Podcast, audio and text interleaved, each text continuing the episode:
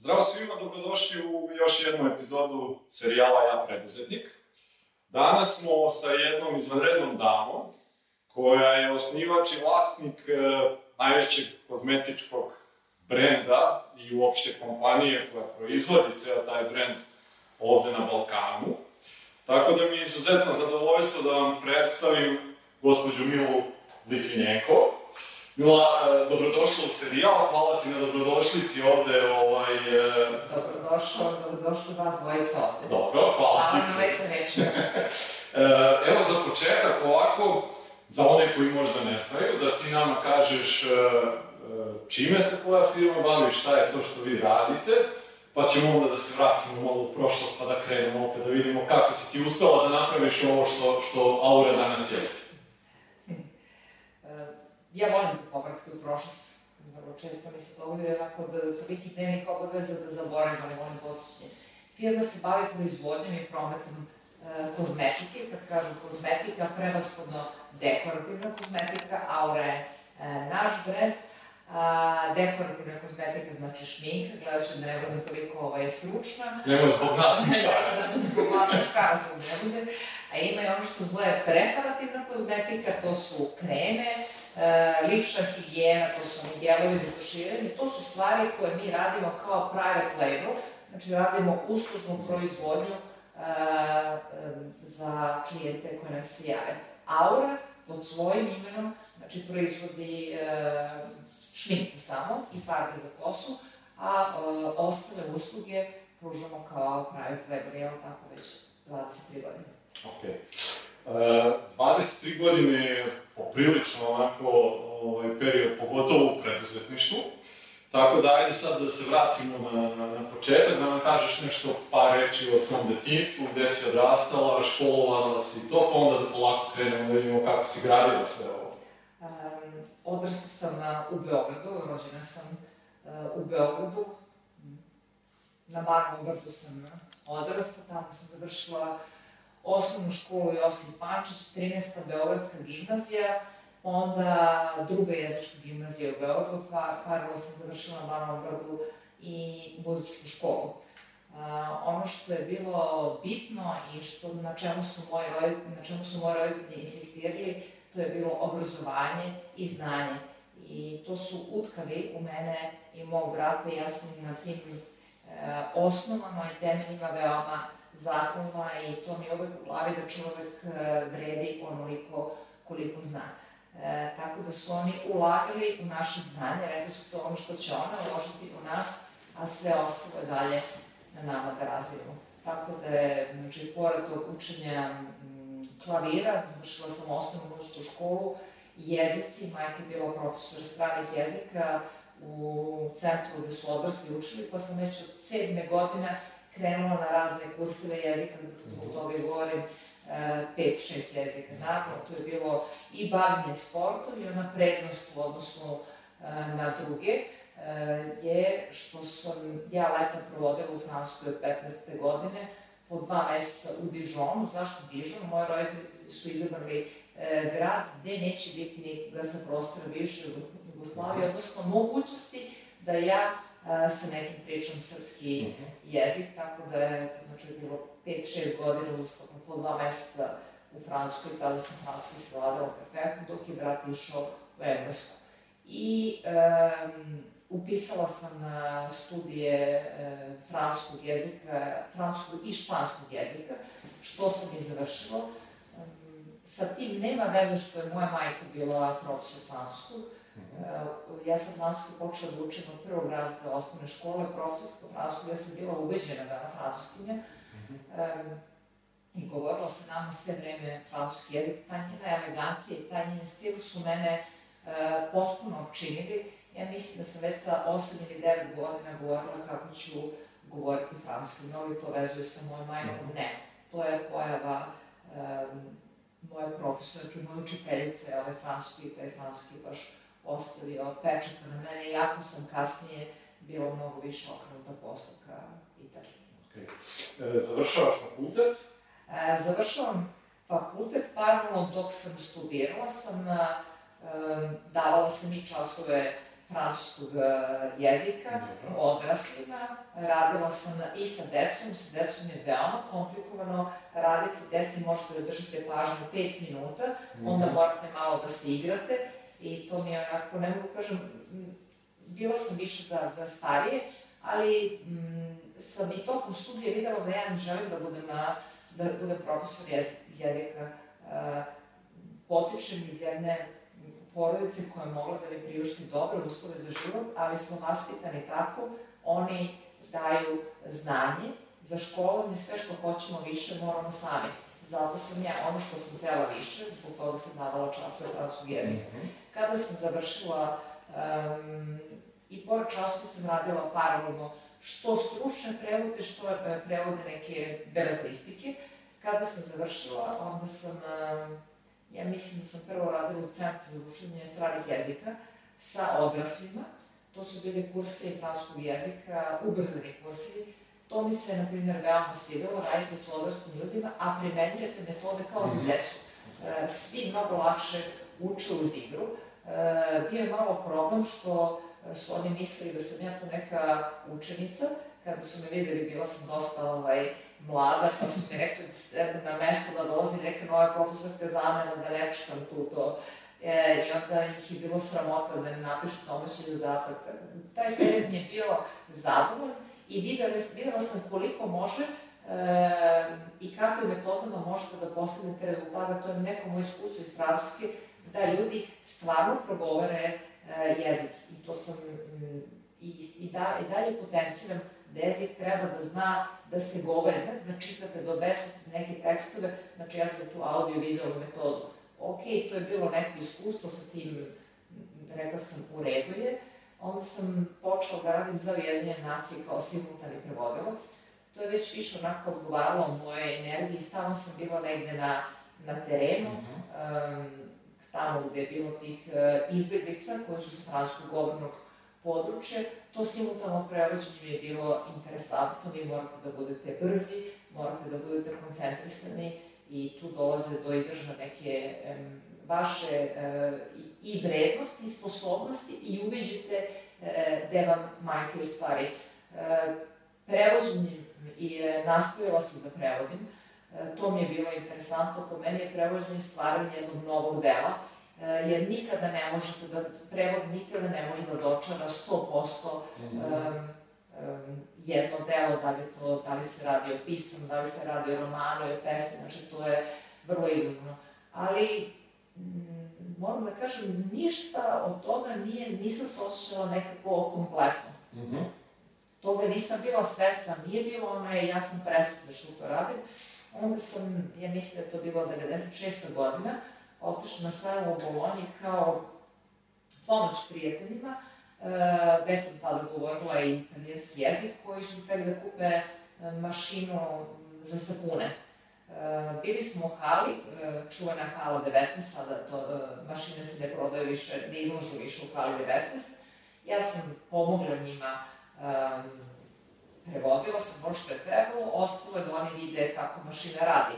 Jer vrlo često se donesu mašine i puštene su uh, u pogon uh, u, na samom sajmu. Mhm. Na gornjem spratu je bila ambalaža, sad meni nije bilo interesantno da gledam do besvesti kako radi ta mašina, onda sam krenula da se šetam kroz sajam. Na taj sajam, izvinjam se, dolaze samo profesionalci, ljudi koji su u poslu. Mhm. Kad kažem sajam kozmetike, e, te kale sirovina i ambalaža. Ja se nalazim u tom delu, znači tu ne dolaze široki narodne mase, nema. Da. I čim vas neko tu vidi, misle da ste vi iz branša. Oni su meni počeli da nude kataloge ja prolazim, obraćaju mi se i sad je meni neprijatno da kažem da se ja tu šetam na vreme i mm, tu je znanje jezika bilo vrlo korisno, kao što mi je korisno i danas. Ja tu počnem da razgovaram, pomalo i glumim, mada o kozmetici e, znam tada manje, pogotovo šminka prosječne žene. žene. Znam šta je ruž, šta je, znam po proizvodima, ali se ne šminkam, vrlo se malo Mhm. šminkam.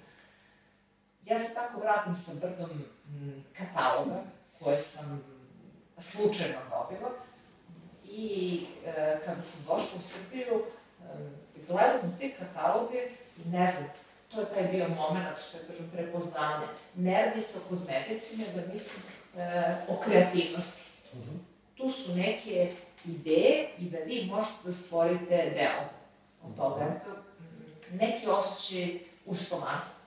Međutim, ne ide priča tek tako, znala sam da već sam imala iskustvo, nisam napomenula, pre tog odlaska na sajmu sam radila u jednoj firmi, vrlo kratko, koja se bavi uvozom hemikalije. Pa sam tada malo videla kako, e, kod privatnika sam radila, videla sam kako taj posao, um, kako to, taj posao ide i bilo je to neke sirovine koje se odnose na kozmetiku. Um, pogledala sam te proizvode, da kažem, opet treba uraditi analizu tržišta. Ja ne znam ništa ovaj, uh, ko je na tržištu, uh, šta se prodaje, kako se prodaje, neke osnovne informacije sam imala. Uh, urađena analiza tržišta nije bila, m, da kažem, neozbiljna baš analiza. Pomogao mi jedan profesor sa uh, fakulteta sociologije. Uradili smo uh, Niš, testirali smo Niš, Beograd i Novi Sad kao tri najveće grada.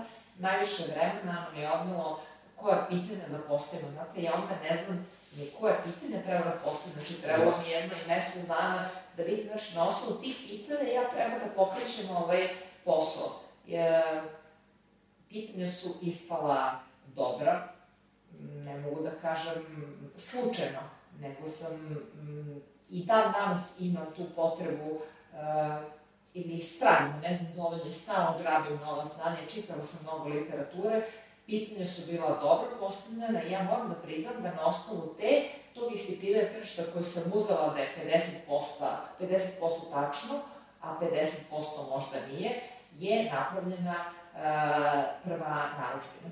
Uh, dobar trenutak je bio, znači od tog sajma do, do početka proizvodnje aure možda godinu, mm -hmm. godinu i po dana, što možete se vrlo brzo da e, vrlo brz period.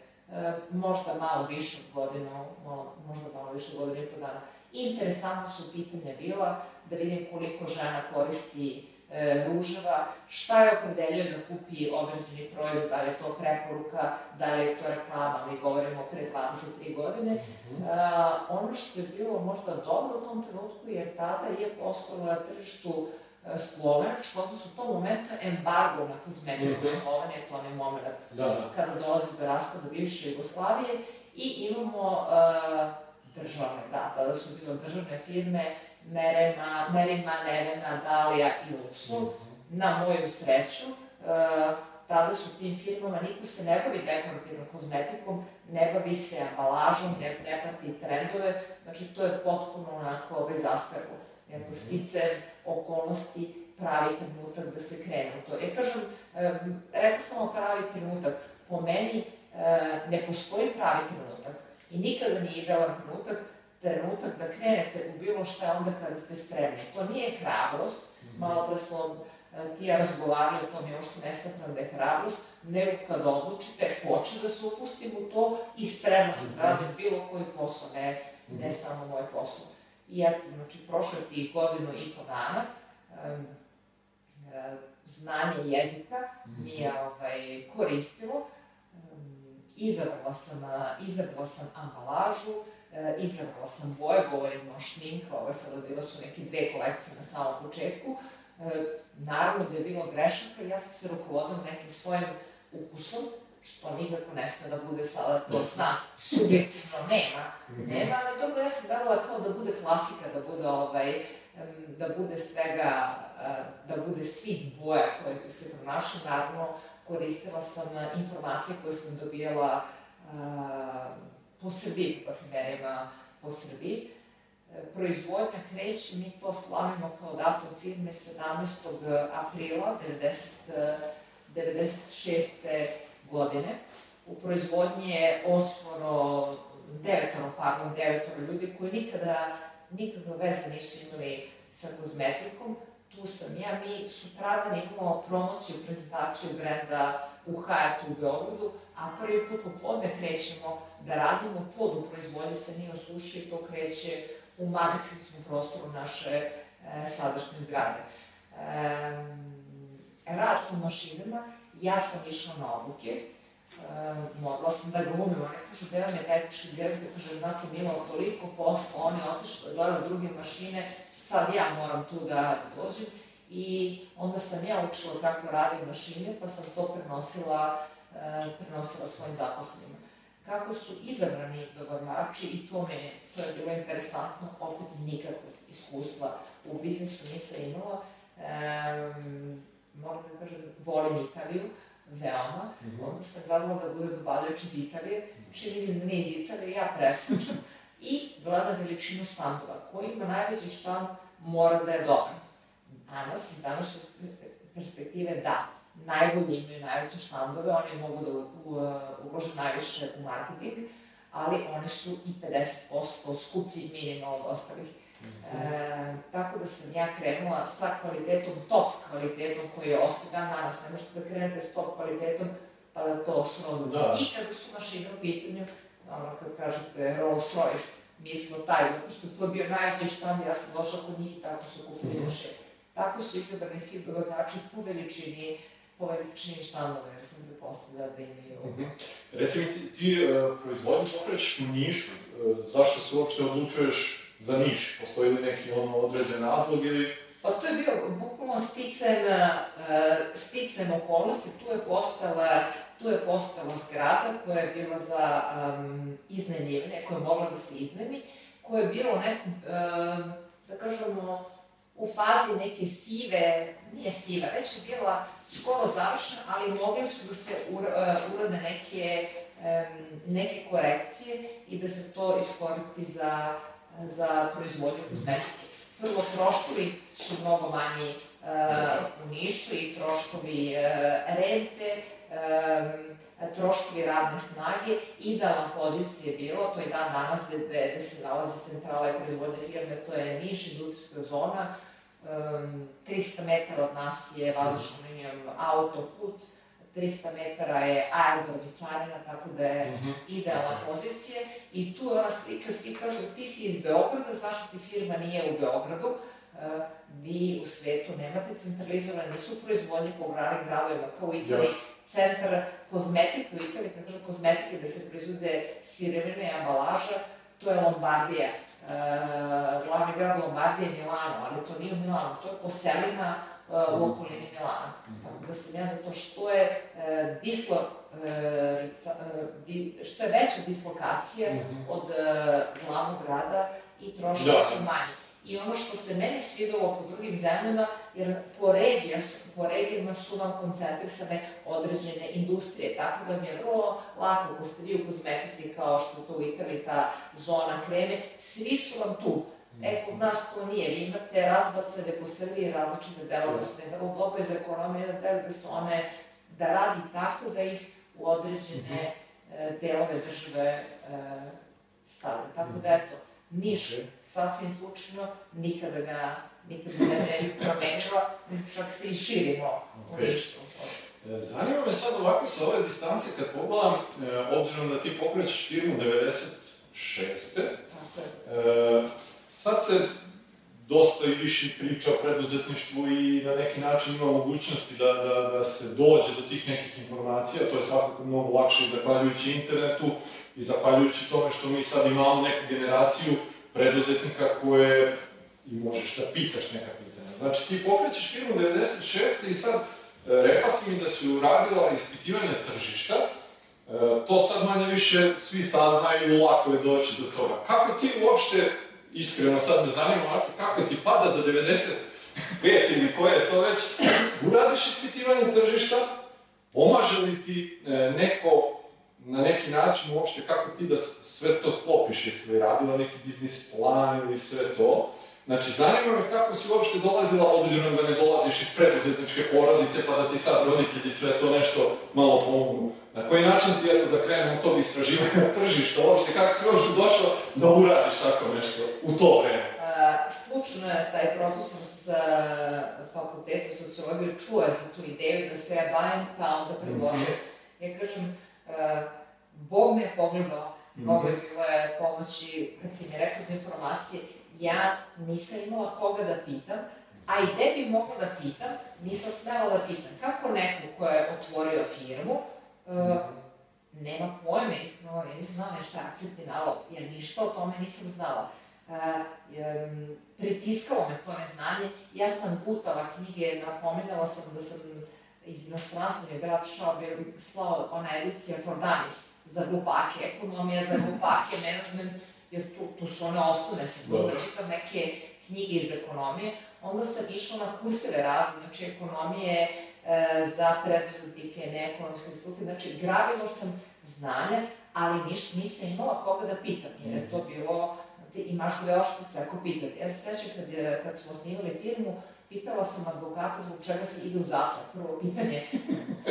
je, da ne sad ime na robu. Da, da, da bi znala šta ne smem da, da radim, a onda sam umeđu vremenu učila, mm -hmm. uh, učila i kroz posao.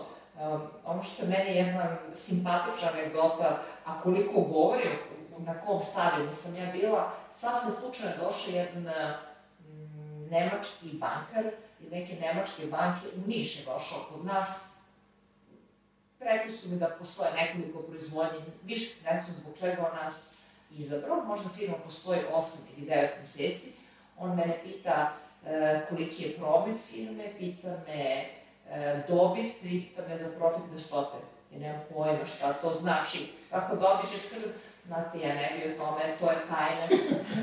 ne, problem, opet kaže za dobit, pa znate, ne bi o tome, ipak je I on je mene tu shvatio, ko znam kakve su to cifre, mm -hmm. tada uopšte nije bilo tako transparentno poslovanje yes. preko banaka, ja sam očigledno odglumila, ja nisam imala pojma što mene pita. E, iskreno, dakle, kako sam funkcionisala, imali smo naravno kad su bile one knjige ulaznih i izlaznih faktora, njih osnovno u proizvodnji, ja koji idem po Srbiji s kutijom uzoraka i prodajem robu kod parfumerije, e, i imam svoju svesku kome sam i šta prodala i ja i imam svesku de, koliko dugujemo dobavljačima. Ja sam to znala.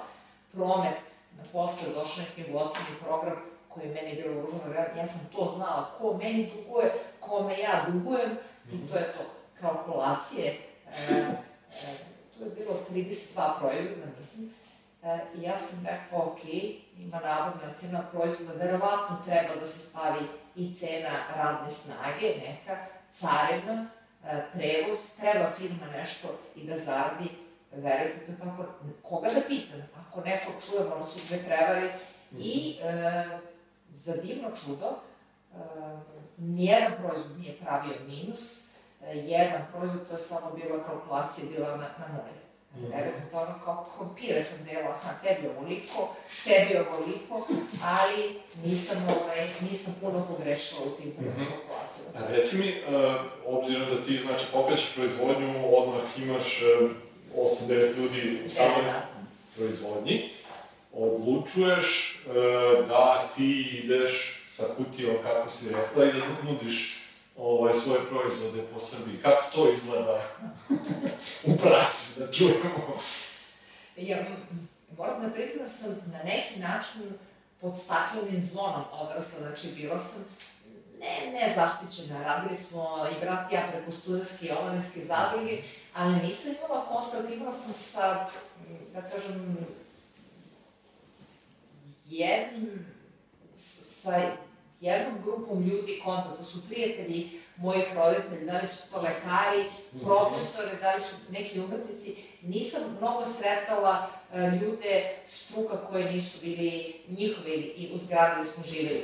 -hmm. Ja sada ulazim u jedan potpuno uh, drugi svet, znači jedan drugi svet koji je meni nepoznat. Um, bilo je simpatično, ja sam po prirodi uh, vrlo stiljiva, tako sam rođena, gde sad treba negde da idem sa kutijom i da kažem dobar dan i da nosim, ja sam dobila spisak parfumerija, mm, to je po nekoliko parfumerija u svakom gradu i išla sam po tom spisku. E, moram da priznam da mi se događalo vrlo često, ja to pominjem, i sažaljenje da mi kupe robu, jer ko je to direktor koji mene maltretira tako tako da vučem tu kutiju i daj, kaže koliko da te kupimo, tako da su mi ovaj, kupovali robu. E, za mene je to neprocenljivo iskustvo. Mm -hmm. Ja sam upoznala kupce e, od Preševa gore do, do, do Horgoša. E, saznala sam kakvi su oni šta im je bitno i ta direktna komunikacija je nešto što je najbitnije. Mnogi od tih kupaca postoji dan danas mm -hmm. i oni me se, i oni me se sećaju. Znate, onda ide i psihologija, morate mogu da se bavite psihologijom. Ja znam da ovaj kupac voli da se bavi pecanjem. Onda ja uzmem, pročitam nešto o pecanju, e, ja volim e, morsku ribu, isključuju reču, ne volim malo da gledam kepčege i tako dalje, koji su mamci. Imala sam uh, jednog kupca, ona iz Vojvodine, ona je volala nakucenu hroniku.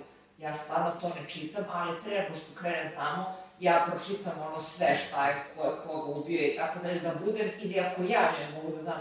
Tako da je bilo mnogo bitno prilagoditi ne prilo, e, upoznati svakog kupca, mhm. šta on zna i kad mu je slava i napraviti neki odnos i mislim da to bila prednost i da to ljudi i dan danas pamte. Mm -hmm. e, ja nigde nisam govorila, meni je bilo bitno da sam ja ovaj, direktora firme, to čak vidite da je to e, i to bilo mi prednost što ljudi ovaj, nisu znali. Mhm. Ali odlično iskustvo za mene zato što sam znala kako tržište funkcioniše, Naravno, ja sam došla iz one e, sa cenovnikom iz one edicije Fortanis, znači to je bilo kao američki cenovnik, mm -hmm. gde sam ono pala, prva, to sam ti pomenula, prva proda mi se dogodila u Čašku mm -hmm. i ja sam tu napisala cenovnik koji je za današnje vreme isto savršeni modern, a čovjek je rekao, daj mi kaže koliko to košta i ko, koji ćeš raba da mi daš, i to je završeno. Dakle, ja sam se toliko trudila, neke količinske rabate vezana,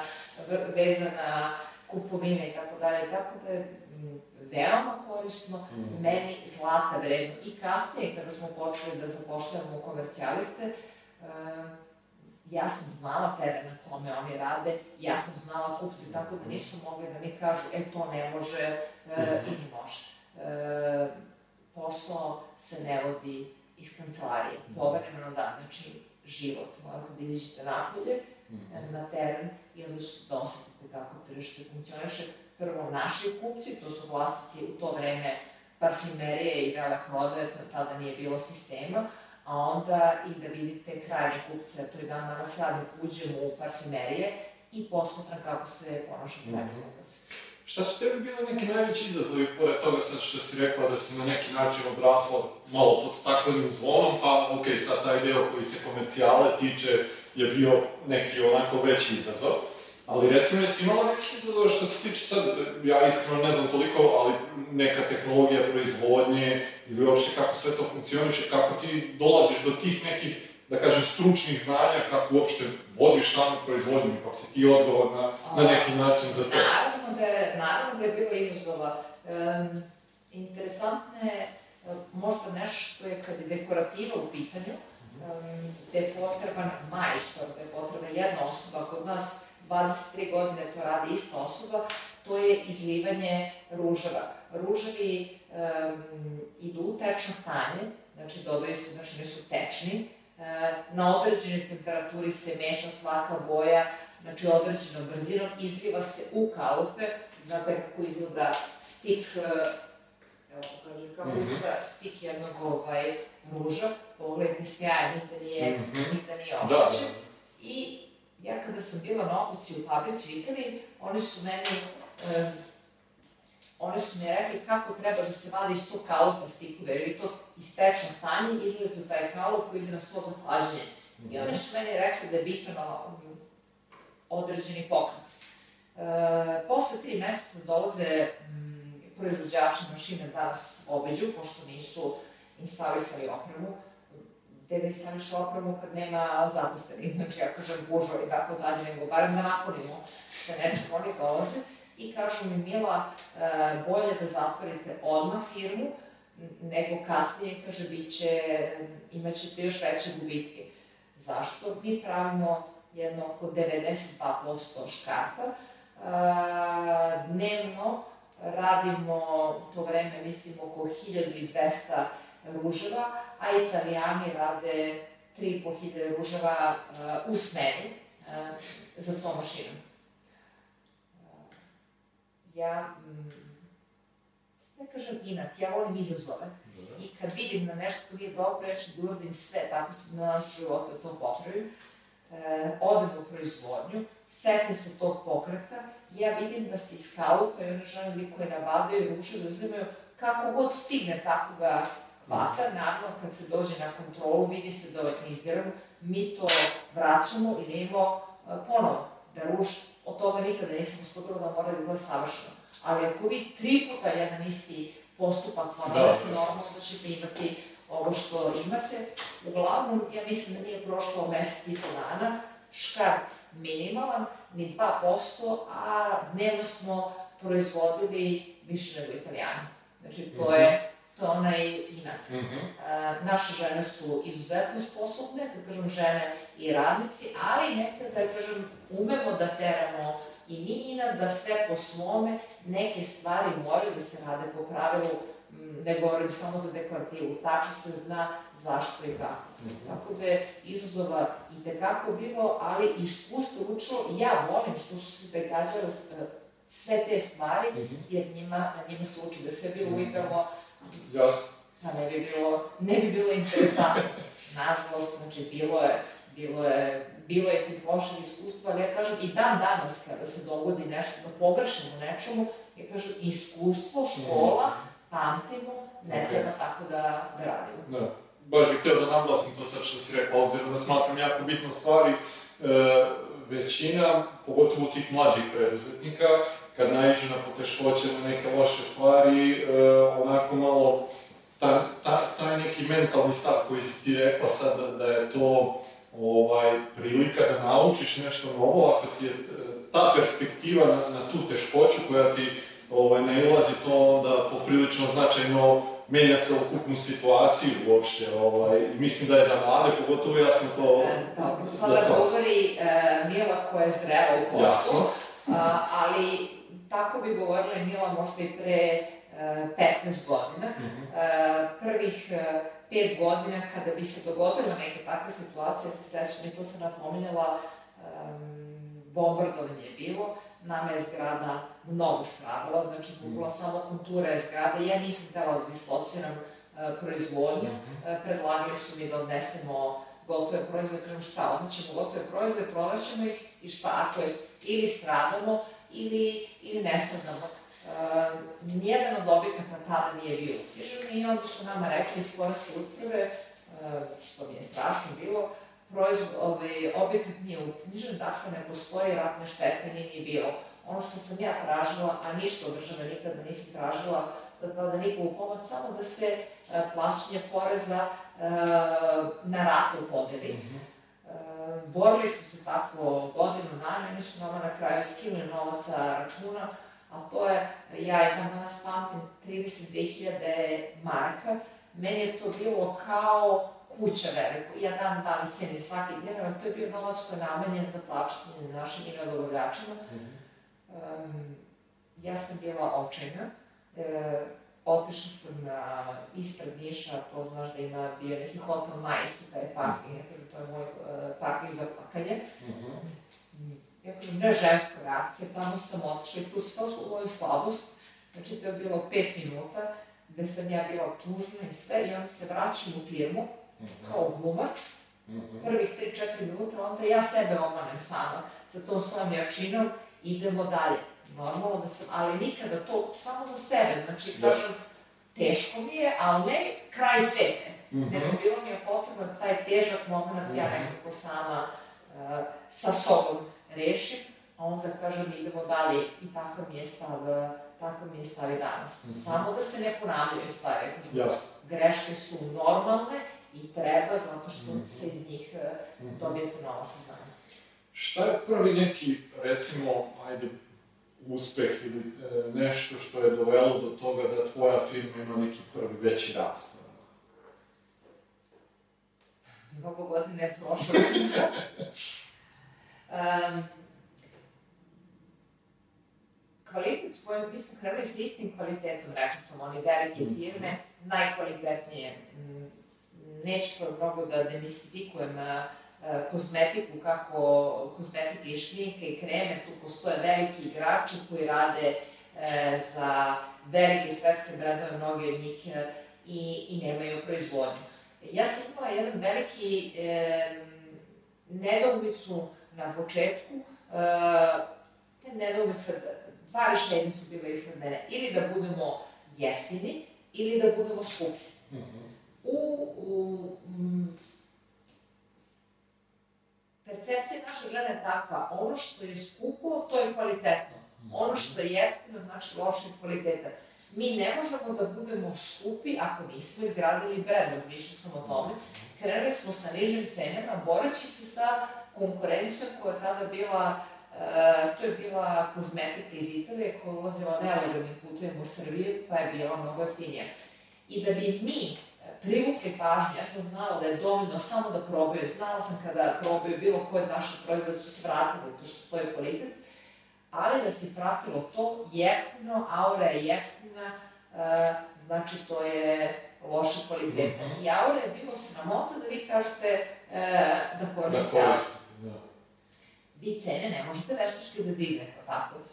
Mi uh, sada izgledamo ovako, stvari sad izgledamo još bolje, ovo je stari, stari display -hmm. iza mene. Uh, možete da uložite u marketing onoliko novca koliko imate. Ja moram da priznam, nisam iz e, ekonomske struke, tako da nisam se usluživala da uzmem novac za nešto od čega nema i zašto ne mogu da garantujem da će se vratiti.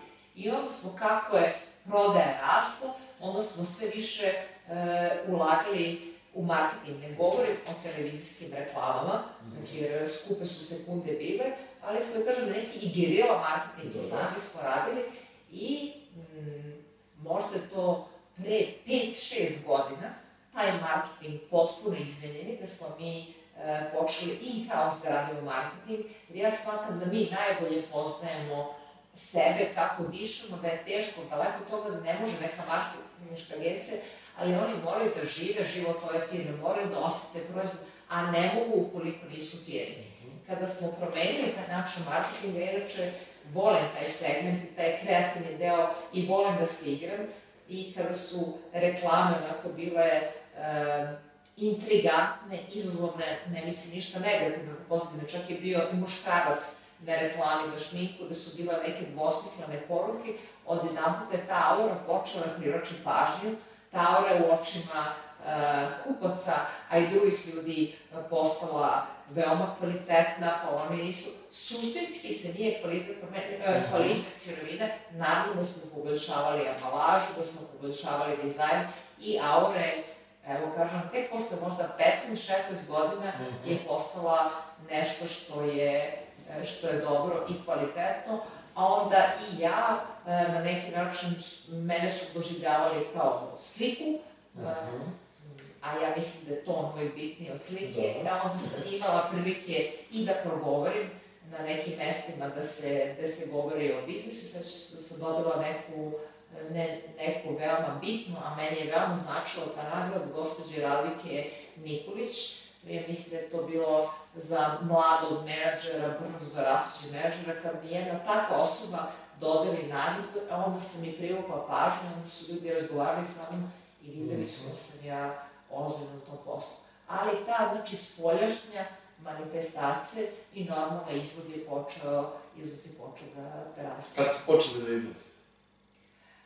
od samog početka. Dobro. A, Kako si se uopšte povezala tad? E, to je doma bez interneta, bez svega. Kako si pravila kontakte u drugih zemljama? Makedonija, prvi izvoz Makedonije, mi smo već tada odvojene sve bivše Jugoslovenske republike su postale države. E, meni je neko, ja se više ne sjećam, mi je rekao da postoji u Skoplju lanac parfumerija, da ima preko 50 parfumerija. Ja odlazim, ovaj, odlazim kolima za, za Skoplje.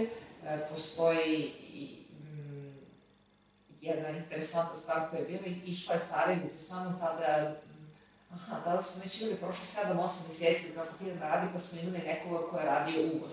Polako sam e, počela da, da primam ljude.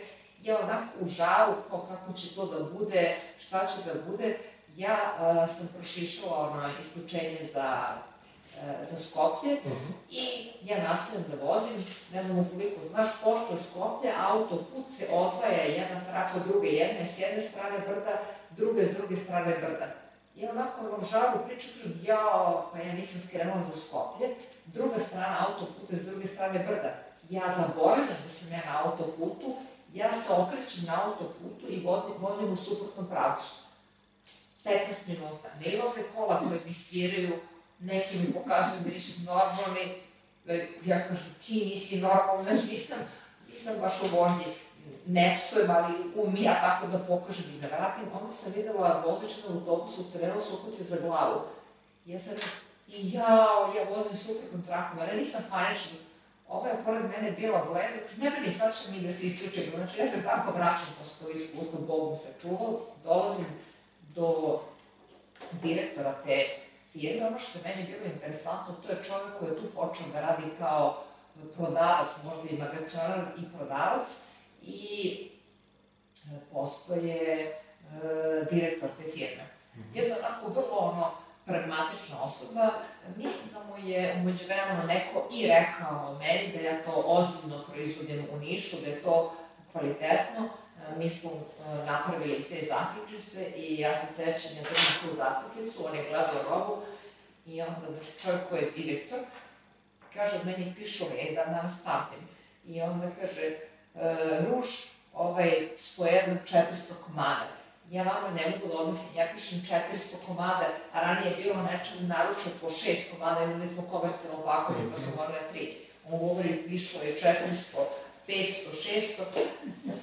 Ja se trudim onako da, da, da ja to pišem ko da je to meni svakodnevno da pišem po, po 400, 500 su nenormalne ovaj, količine za nas uh, tada bile. Ja nisam mogla da sačekam da izađem uh, iz centra Skoplja, onda uzimam kalkulatore, ne mogu da sačekam taj moment i da saberem koliko je, koliko je to njegovo trebanje. Uh, ja ne znam da li je bilo ovaj srećni osob od mene i da, da, da što pre javim svom koleginicom, ja sam e, presrećna bila i eto, to je taj naš prvi izvoz koji se i nastavio. Mm -hmm. e, moment i ja uvek odlazim kod njega i kod mene kaže pišu je gde nema ja sam bilo se ponavljala da stajem s kalkulatorom da ja to izračunam. E, taj izvoz nam je mnogo značio, vi znate da to ti znaš, ja stalno vi, pa ti ti znaš, vreme nije bilo deviza na tržištu, a mi smo ovako iz izvoza uh, obezbeđivali uh, devize kako bi platili,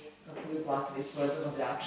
Tako da s tim kupcem smo radili jedno uh, 6-7 godina, izuzetno mi je bio. Mhm. Verujte, nekad mi je bilo i žao, imali smo neku kolekciju koja je bila opada veoma avangardna, ona je sada za, za ovo vreme, a ja volila sam da eksperimentišem i da budemo, da idemo malo ispred vremena i to su bili neki ruževi Sajbo se kolekcija zvala ruž crni, brao, ljubičaci, zlatni, srebrni. To danas može da prođe. Mi smo imali takvu kolekciju pre godinu dana. -hmm. Tada, pre 17-18 godina, i ona Sajbo se kolekcija zvala, on kaže, ciber, kaže, piši ciber, kaže, piše po 400, kaže bi, ja, meni žao, ona te neće to moći, ovaj, neće to moći da proda. Nažalost, ta firma je prestala da, da postoji uh, i mi smo bili da kažem, primarni, sad izgubiti to tržište, mm -hmm. ljudi su već koristili auru, nema tog lanca više, ali postoji krajnji potrošač i mi smo osnovali svoju firmu uh, u Makedoniji. Meni je mnogo simpatično što ona Aura Group, Group čirlicom ovaj, napisano, nismo mogli da budemo samo Aura i ta Aura, to je prva čerka firma koja je nastala, znači ona odlično radi, rade dvoje ljudi. E, onda smo počeli i u Bosnu da izvozimo. Ja mislim da je moj odlazak u Bosnu bio pa možda tri meseca po prestanku onih ratnih, e, mhm. ratnih dejstava. Ja koja krećem sa koleginicom, to je prvi naš komercijalista, koja meni rekla da ona živela u Bosni, to odlično poznaje teritoriju. I sad onako idem i vidim vidim prvo kuće onako izrešetane, uh, vidim dejstva rata prvi put, mm -hmm. i od jedan puta vidim kuće koje, koje su u redu, nema više toga, vidim i, i žena u linijama, ja kažem, čekaj, vidi sad ove kuće su redu, kaže, a Mila, gradi se to dobro, to samo ovde nije, a ljudi se izmirili, ja kažem, dobro. I onda trenutku mene zaustavlja policija, kaže, gde ste vi krenuli, kaže, ja za Banja Luku, A meni kaže, bolam, ti si duboko u federaciji. Ja se izvinjam, evo ovdje se vratim. Znači, mi smo baš otišli, zapali smo na najgore mesto mm -hmm. bilo. E, otišli sam tada u Bosnu. Znam da smo dogovorili, nešto sam gostovala na nekoj televiziji, a ljudi su došli, vlasnici parfumerije sa torbom, oni su mislili da sam ja donala robu i da se prodaje tako funkcionisala Bosna, ona čuvena. Arizona pijeca. Mi smo tamo promenili jedno 4-5 distributera uh, i oni su, mada Bosna ima i veoma tešku infrastrukturu, putevi su vrlo, mhm. vrlo loša putna mreža i oni su navikli da sede po te Arizona da im putnici dolaze na noge. izmenilo se, pardon, izmenilo se do 5-6 distributera, nisu to bili loši ljudi, ali su svi čekali da im dođe na noge. E, ja nisam bila za otvaranje firme, to mi uopšte nije bio neki san da mi sad otvorimo firme, onda sam rekla, ne vredi, mi moramo sami, i onda smo otvorili, ili bukvalno, uh, otišli smo koleginica i ja, od 9 do pola 9 ujutru smo krenuli, u pola 2 smo našli prostor, uh, registrovali smo firmu, našla je ovaj, Knjigović, tako da je tada osnovana firma i u Bosni, zato što mm, nismo mogli da nađemo ljudi koji razmišljaju kako mi razmišljamo. Mm -hmm. Ono su, jednostavno, takva situacija bila i najmlađa Aura je Aura Hrvatska koja je osnovana pre godinu i po dana, opet ne i želje da se mi širimo. Naš distributer je radio sa Agrokorom, Agrokor, mm -hmm. znamo svi šta se dogodilo. Mm -hmm onda su oni bili inertni. Nije, ja kažem, nema agrokora, ajde tražite drugog kuca, tražite, tražite, oni ništa nisu preduzeli tih godina i po dana, a mi smo već bili na velikom ovaj, gubitku, jer mi godinu dana napred planiramo ovaj, svoje aktivnosti, naručujemo sirovine, ambalažu, znači mi smo u gubitku velikom godinu dana zato što smo naručili robu.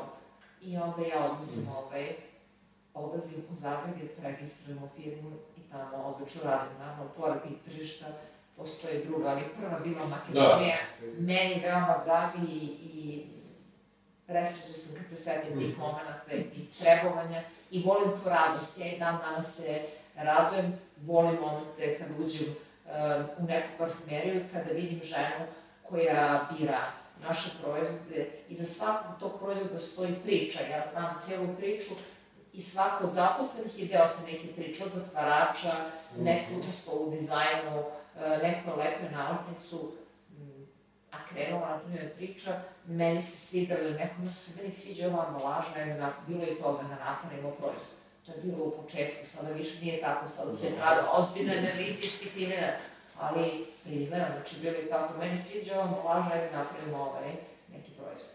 E, počeli ste sa devet radnika, sada imate... O, ja mislim da je, pa tu je oko 110. Mm -hmm. oko 110. Okay.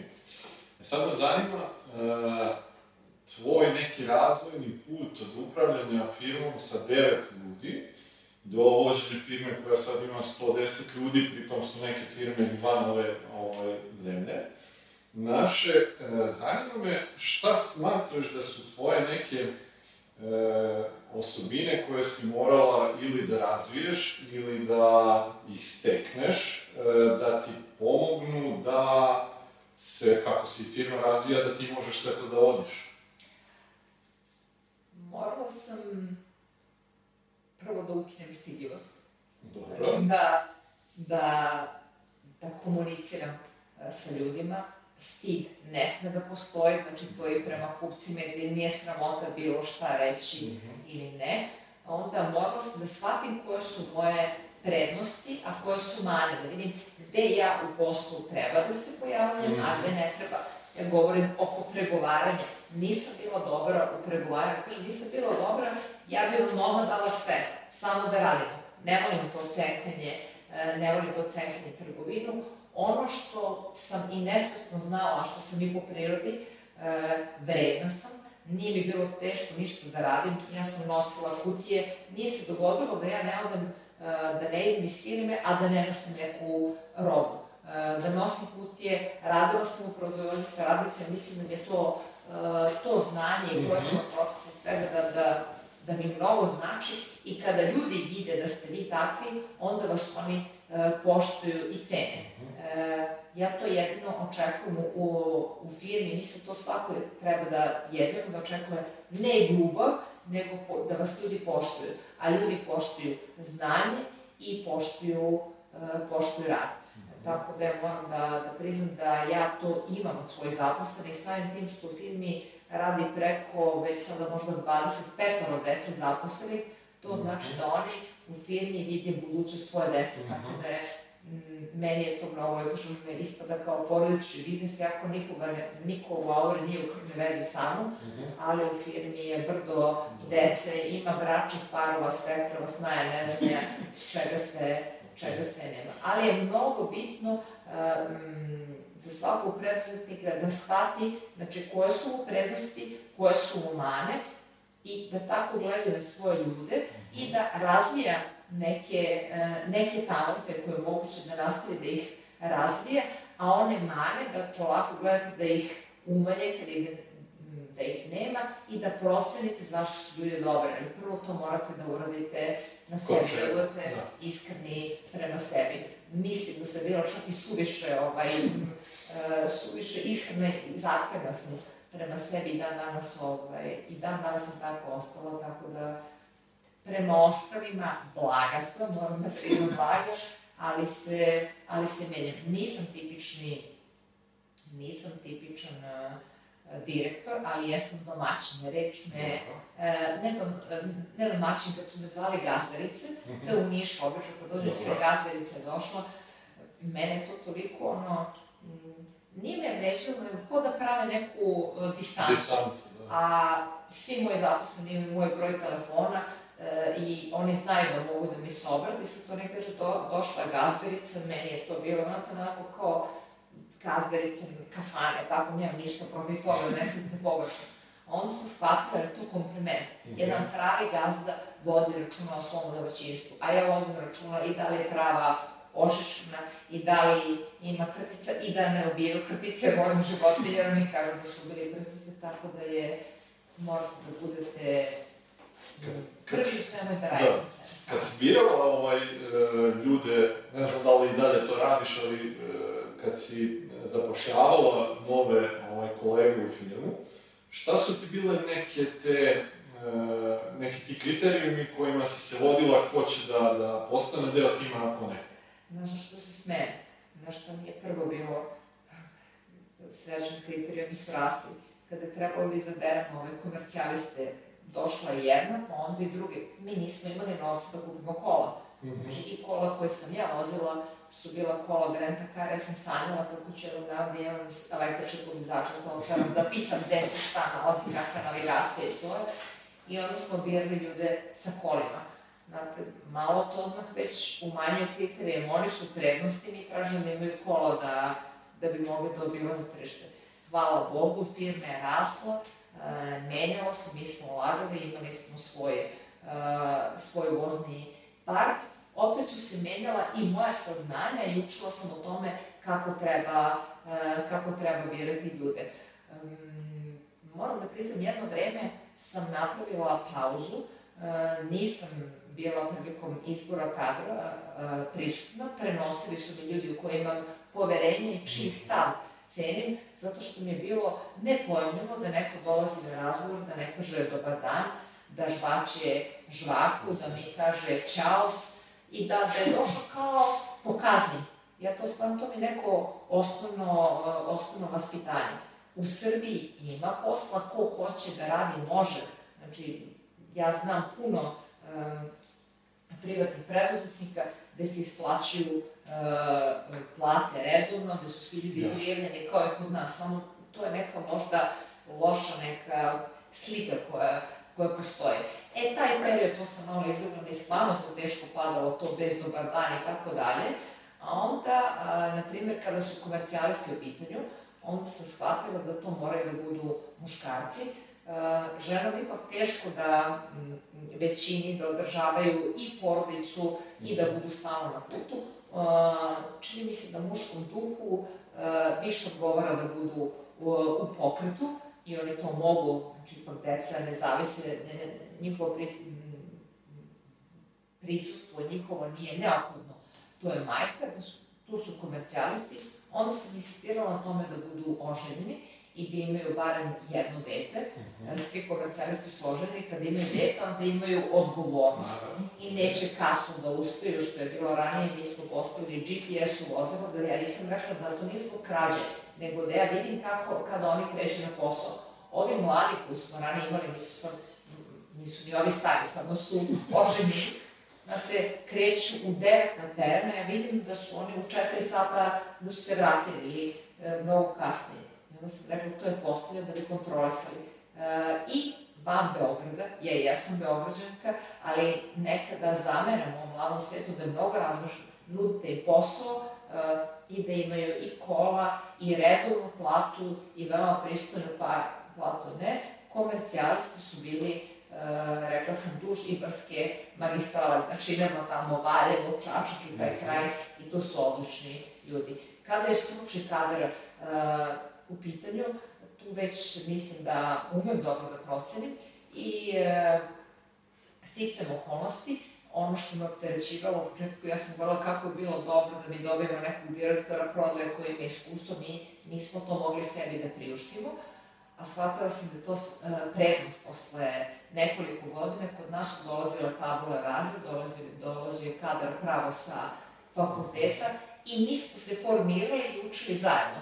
Pokušala sam je dva, tri puta da dođu ljudi ne iz branše, nego da se bave takvim poslom, ali vrlo teško menjaju neka svoja, neka svoje iskustva. Tako da ovaj management i ljudi koji, koji su zajedno sa mnom, mi smo od početka zajedno, znači ima njih koji su maltene od prvog dana sa mnom, uh -huh. a ovi iz menadžmenta ima ih koji su i 20 godina i 15, 10 godina sa mnom, većini skoro 95% je aura bilo uh, prvo radno mesto. Uh -huh. uh, naravno da sada nije problem ovaj doći do kadra i, i sada nam se kadar sam nudi, ali ranije to bilo je teško. Da. Bilo je teško, pogotovo što nema kadra, vi nemate kadra kada je kozmetika u da.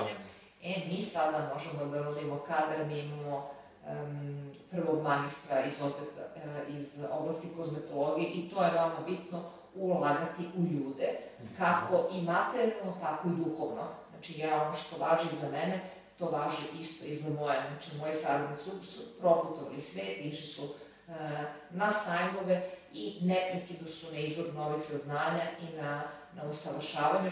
Ja to ne govorim samo o menadžmentu, to govorim i ljudima i proizvodnji i o magacionerima. Kad, kad procenimo da je da, i kad je vidim da oni imaju mnogo veće kapacitete, eh, onda ulažemo u njih.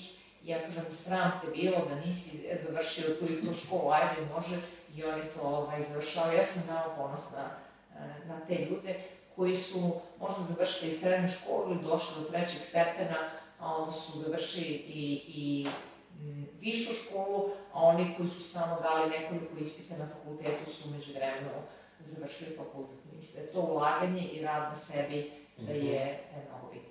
Spomenula si na početku da si imala tu Fordamis kolekciju. Tako je, Ovaj, e, kako se ti edukuješ danas i usavršavaš? E, zahvaljujući po imom i temperamentu, duhu, nikad mi nije teško uh, da putujem.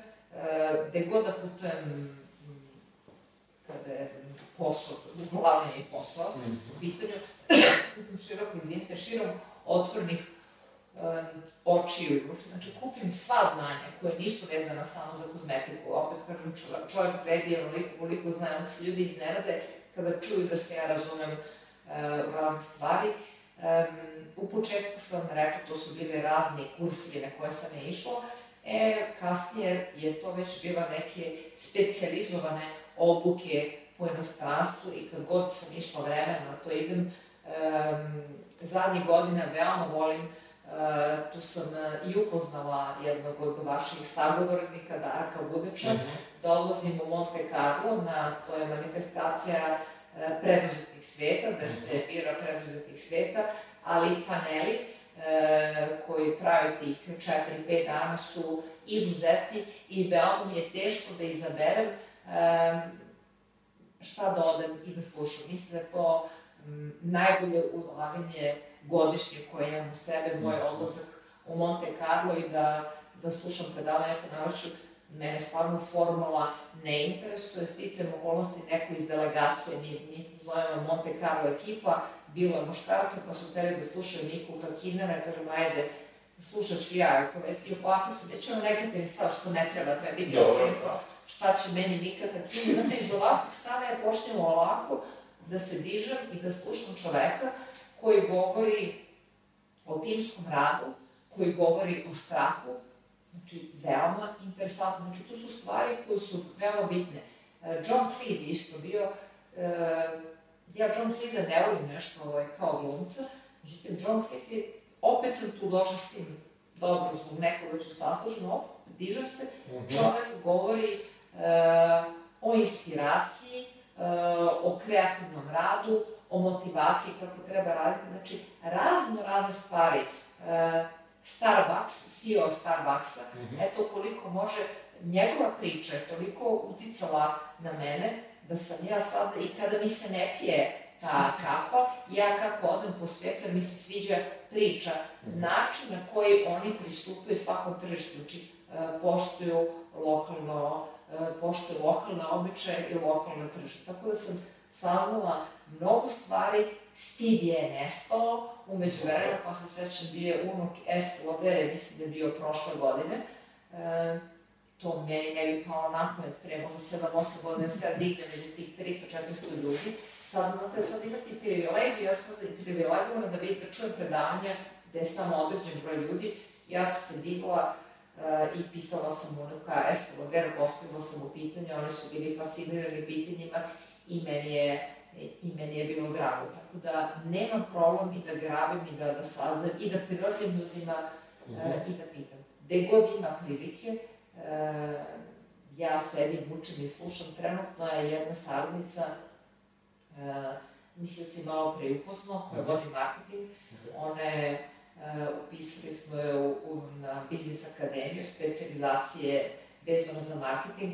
I ja je pitam svakoga dana šta su, šta su radili. Meni je to toliko interesantno. E, ja sam rekla pre dva dana, idi molim te tamo da vidiš da li, mogu, da li mogu ja da se upišem i šta se događa ako izostajem, pošto putujem. Tako da sam uvek željna znanja, a ovo je stvar koja me veoma privlači. Reci mi da si na samom početku, li postoje možda neki, spomenula si uh, Miku Hakinena i strahove, pa me zanima sad, E, šta su tvoji najveći strahovi bili možda na početku, a šta su sad? Imaš ih? Ja da kažem, taj uh, strah, uh, ajde, recimo da ga nazovemo strahom, mislim da je dobro što govori strah, nazovemo ga strahom, vratiti kredit. Aura je krenula da radi tako što je dobila kredit od banke.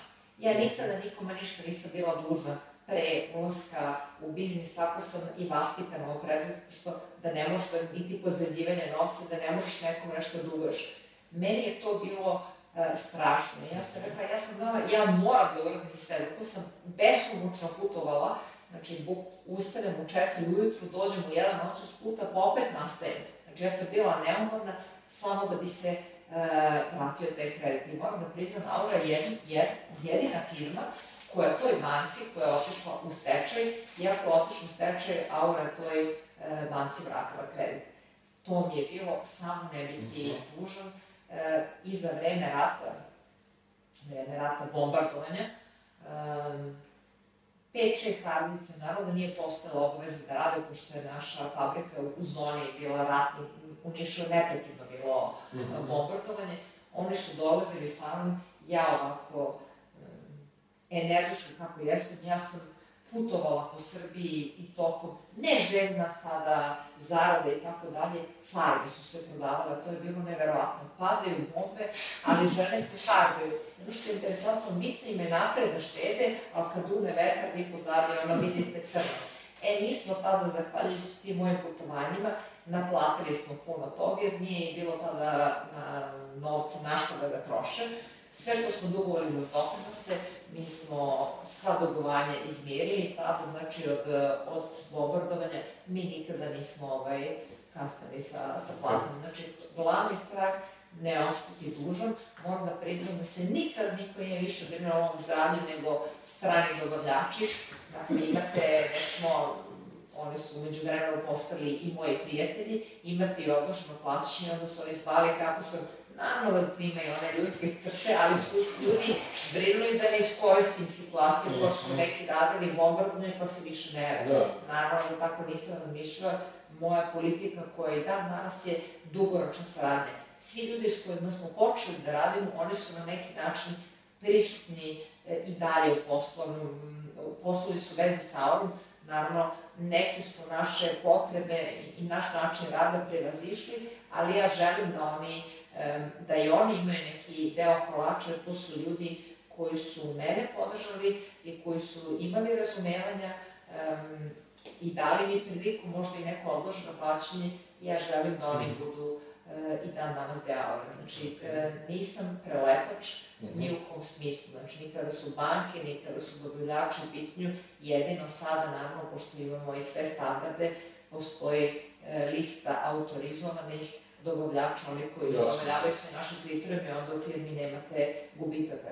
Koliko sam mnogo naučila, znači ništa nisam tako kao šta je, šta je dobitno, sam ne znam svašta. Spominjala si malo pre taj parking u Nišu. Ovaj, zanima me kad se osvrneš sad nazad, šta ti je bila najteža situacija u vođenju kompanije za, za sve ove godine? Ljudi sve, e, ovako sam nastavila se zato što me malo pre neki dan pitala nekom panelu na novinarka šta je najteže kod uh, inovacije. Ja volim inovacije, volim promene. Od onog trenutka kad sam ja rešila da, da, da sam ja spremna za promene, uh, ljudi, to što oduzima uh, najviše, ene, najviše energije, opet kažem, ja sam domaćin, nemam ja neke izvršne direktore, direktore, direktno komuniciram sa ljudima, možda i to i prevešta sebe, znači e, u poslu sam više e, emocijeva, znači sa mhm. emocijama nego sa razumom i to mi oduzima možda najviše energije. E, to ume da bude, to ume da bude, kažem, teško, treba vremena, ume da vas iscrpi, treba gimnastike, ali prići čoveku na na pravi način. Mm -hmm. e, pričali smo na samom početku i obzirom i na godinu i na sve to, jako je bilo teško planirati i rekla si da nisi imala biznis plan. E, na koji način sad, e, recimo, planiraš, ajde, 3 do 5 narednih godina aure, kako uh, to sad izgleda? Uf, to sad izgleda odnosno na ono, uh, ja prosto sebe, kada, kada ja to govorim, onda se setim one Mila pre mnogo godina, i ne mogu da verujem da sam to ja. Ja sam pre neki dan uh, mojima ponovila nešto što sam i rekla kada smo, mi imamo zgradu od 2000 kvadrata, a iznajmili smo pre, mislim, no 3-4 godine još 2000 kvadrata. I oni su meni rekli, Milo, šta će nam toliki kvadrati, pa to je mnogo. Kažem, moram da se razmišljam unapred, 3 do 5 godina. Šta se dogodilo? To sam im mi smo ispunili tu kvadraturu za nepunih godina, ja kažem, ops, i šta sad? A rekli ste da je mila. I ja sam već uh, pre godinu i po dana počela da tražim novi prostor. Kada je planiranje u pitanju, mi znamo već sada šta će se raditi 2019. 2019. godine. To da kažemo, to su kratkoročni planovi, a uh, mi ne sam, pa, da kažem, trogodišnji, petogodišnji planovi postoje. E, I kada je kadar u pitanju, e, i kada je mašinski park u pitanju, i kada je proizvodni program u pitanju, i kada su izvod tržišta u pitanju, i, za sada se držimo toga. Ja nisam megaloman, ja volim da se ide ono, korak e, po korak i da nikada ne ugrozite postojeće, postojeće poslovanje. Mi smo vrlo često i odbijali neke poslove, to je pravi level, to je najlakše i najslađe za firmu, jer vi tu ne razmišljate o marketingu, e, ne razmišljate o distribuciji, e, nema dizajna, nema ničega, isporučite gotov proizvod, ali mi smo takve poslove odbili, zato što bi te ljude zarobili tim poslom i ne bi bili, mhm. ne bi bili slobodni da rade za onaj tekući posao. Tako da mhm. sam uvek korak po korak i, i verujem u to. Okay. E, naša se najponosnije za, za svo ovo vreme? Brand. E, ali to sam, da si me pitao ranije, ja bih rekla, eto, uspeli smo da napravimo nešto što je kvalitetno. Ja sam sada svesna da smo mi uh, stvorili brand mm -hmm. i i ponosna sam i, i mnogo mi je drago što ja umem da se radujem i dan danas kao malo dete, to kad uđem u parfumeriju i kada vidim da, da žene -hmm. naše proizvode ili kada uh, sretnem neko od žene ili upoznajem, što se sada uh, uglavnom događa, da mi svaka izvadi da ima neki proizvod uh, odavde. Ponosna sam što smo govorili brend, znači odjedno tako to slučajne posete uh, sajmu, ne, potpuno nevezano, ne, mislim, možda se misli da će biti prvotvarac ili tako nešto, -hmm. ja sam uspela onome što volim, znači strast, radim posao, smo strašću kraljevi danas i stvorila sam sa svojim ljudima brend. Okay. E, pošto emisiju gleda dosta mladih ljudi koji su tu negde da, da započnu te posao, e, pa neki savjeta koje bi njima dala, obzirom na svoje iskustvo koje imaš, ako je biznis plan jedna od tih stvari, zanima me ako možeš malo da im kažeš na neke detalje šta bi taj biznis plan trebalo da, da se sačini. I uz taj, recimo, eto, biznis plan, neki par savjeta koje bi mi ti, onako mentorski, koje bi mi ti dala. Naravno. Uh, biznis plan, to je stvar koja je meni bila strana, mislim, Dobro. pojma, šta je bilo, ali sam otišla kod ljudi koji su to ovaj radili, koje smo mi nahranili informacijama, onda sam naučila šta je to biznis plan. Prvo želim da demistifikujem jednu stvar, da e, ljudi ne misle da je potrebna veza ili tako dalje, ukoliko aplicirate za neki kredit ili kod države, u našem slučaju to bio fond za razvoj, ukoliko predstavite dobar biznis plan, a to je kako planirate da utrošite ta sredstva, u šta ćete da ih uložite, znači u šta ćete da ih uložite i koja će dinamikom one da se vraćaju. Ja sam uvek kretala od najgore moguće projekcije, znači, najteže, znači najgorih rezultata i ukoliko sa takvim rezultatima mi možemo da vraćamo ratu ukoliko je kredit u pitanju, znači treba biti uh, moje preporuka maksimalno iskren i maksimalno realan i ne biti magaloman malo, ali biti, znači, sve, e, sve podatke. I ono je bio neki biznis plan, ono moje ispitivanje tržišta, mm -hmm. koje uključuje, i sada mi to pravimo, znači, da li je to za neki novi proizvod. Znači, bukvalno o svakom detalju da vode, e, da vode računa, da budu iskreni prema sebi, e, da ne prave neke projekcije koje su, nego bukvalno da krenu od najgorih rezultata. Ono što je savjet, ja bih mi savjetovala da pogledaju jedan film koji je meni američki potpuno mi je stran, ali zove se Any Given Sunday i mogu da ga nađem. Al Pacino, što mi je drago što znaš, a malo je ljudi, znači taj njegov govor 4,35 iz slačionice, 4,35 delove tog govora sam ja prevela i on je zalepljen, volila bi da dođeš jednom u fabriku i da vidiš kako to izgleda. Okay step by step, inch by inch, tako su neki naši proizvodi dobili, mm, dobili naziv. E, mnogo govori, ja kažem, pogledajte taj klip sa YouTube-a, pogledajte lice igrača koje se menjaju dok Al Pacino govori i kada im kaže da li birate da umrete kao individua ili da pobedite kao tim. Ja kažem, uh, uvek biram timski rad uh, i da tim može sve, ali taj tim, to stvarno ne treba da bude tim nešto što vi samo govorite, mm -hmm. nego i moraju ljudi da vide u istom pravcu. Al Pacino, mi govorimo o filmu, da. ali on je svojim govorom i svojim načinom, oni su imali istu viziju. Mm -hmm. Znači, tim koji vidi u istom pravcu, znači taj tim, taj tim pobeđuje i e, ja veoma volim Steve Jobsa, možda sam e, i dosadna, ali stalno pominjamo na njegovo Stay Hungry, e, stay foolish, naravno u prenesenom značenju, e, da budete uvek glavni znanja, da uvek e, saznate nešto novo, da budete kreativni, da budete inovativni i da vas nosi strast. Ne ulazite u posao koji vas ne ispunjava. Ja sam 23 godine sretna što se bavim ono što se bavim. Sticam okolnosti, to je šminka. Svi to je, ti si žena, pa radi sa šminkom, to je nije bitno, to su mogli da budu radijatori, šafovi i tako dalje, ima stvari gde, gde može da se bude, gde može da bude kreativno. Znači, radite ono što volite, e, nikada nije, to mi isto rekla, nijedan trenutak nije pravi trenutak, to je samo izgovor, e, kada odlučite i kada ste spremni, ja ne mogu da kažem žrtvovanje, e, smatram da svaka osoba treba da ima neku svoju materijalnu e, nezavisnost, da dobija i duhovnu i materijalnu satisfakciju i tako se čini da bude vredna kao čovjek, tako da ja nisam, to sam ti već rekla, podela žensko i mm -hmm. muško preduzetništvo ja ne volim da na mene gledaju kao na čudo u poslu što sam žena, u svetu sam apsolutno ovaj, normalna. E, nekada bi ženama rekla da se ne žale mnogo, nego treba bilo šta, mi ne govorimo sada, ovo je nastala velike proizvodnje, ali mogu da naprave neki svoj posao, da imaju neki svoj dinar, znači vi će da rade negde i da je, mislim, da mnogo bitno da, da budete nezavisni u životu. Mene je mama to, uh, ja pamtim i da danas imam njenu rečenicu, ona otvorila orman pa sam ja videla da ima nekoliko pare cipela.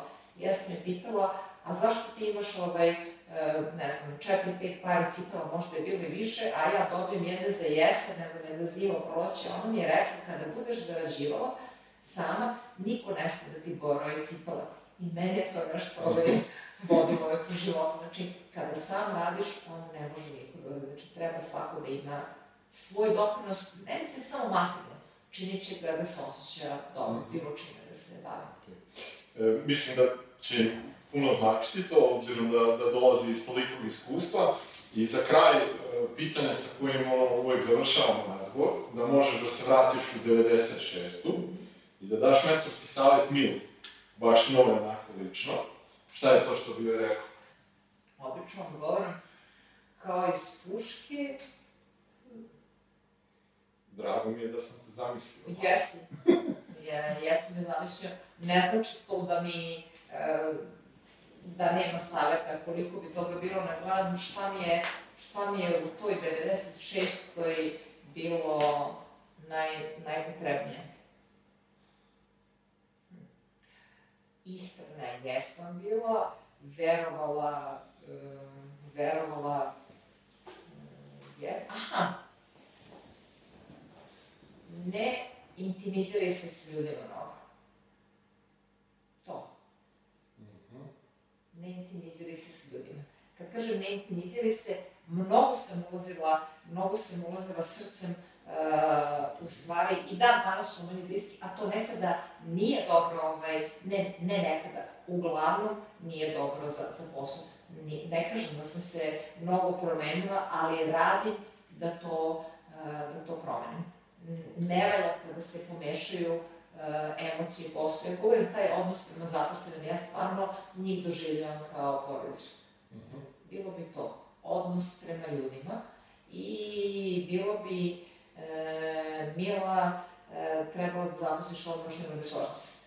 nisam, e to, time se nisam bavila, nisam ni znala šta je to, odmah trebalo da, odmah trebalo da imam čoveka koji će time da se bavi, a ne ja time da se, da se bavim. Ok, Mila, hvala ti puno na, na odvojenom vremenu za nas. Želim ti da ovaj, u budućnosti stvari idu ovako kako idu, ja mislim da si ti ovaj, jako zadovoljna svim ovim, to i sija ovako iz tebe i ta sreća yes. ovaj, i zadovoljstvo koje imaš u sebi da bude tako i u budućnosti. Hvala. Ovaj, hvala vam svima što ste proveli ovaj, još jedan ovako razgovor sa nama. Nadam se da ste uživali, pa se vidimo ponovo sledeće nedelje. Prijatno. Prijatno.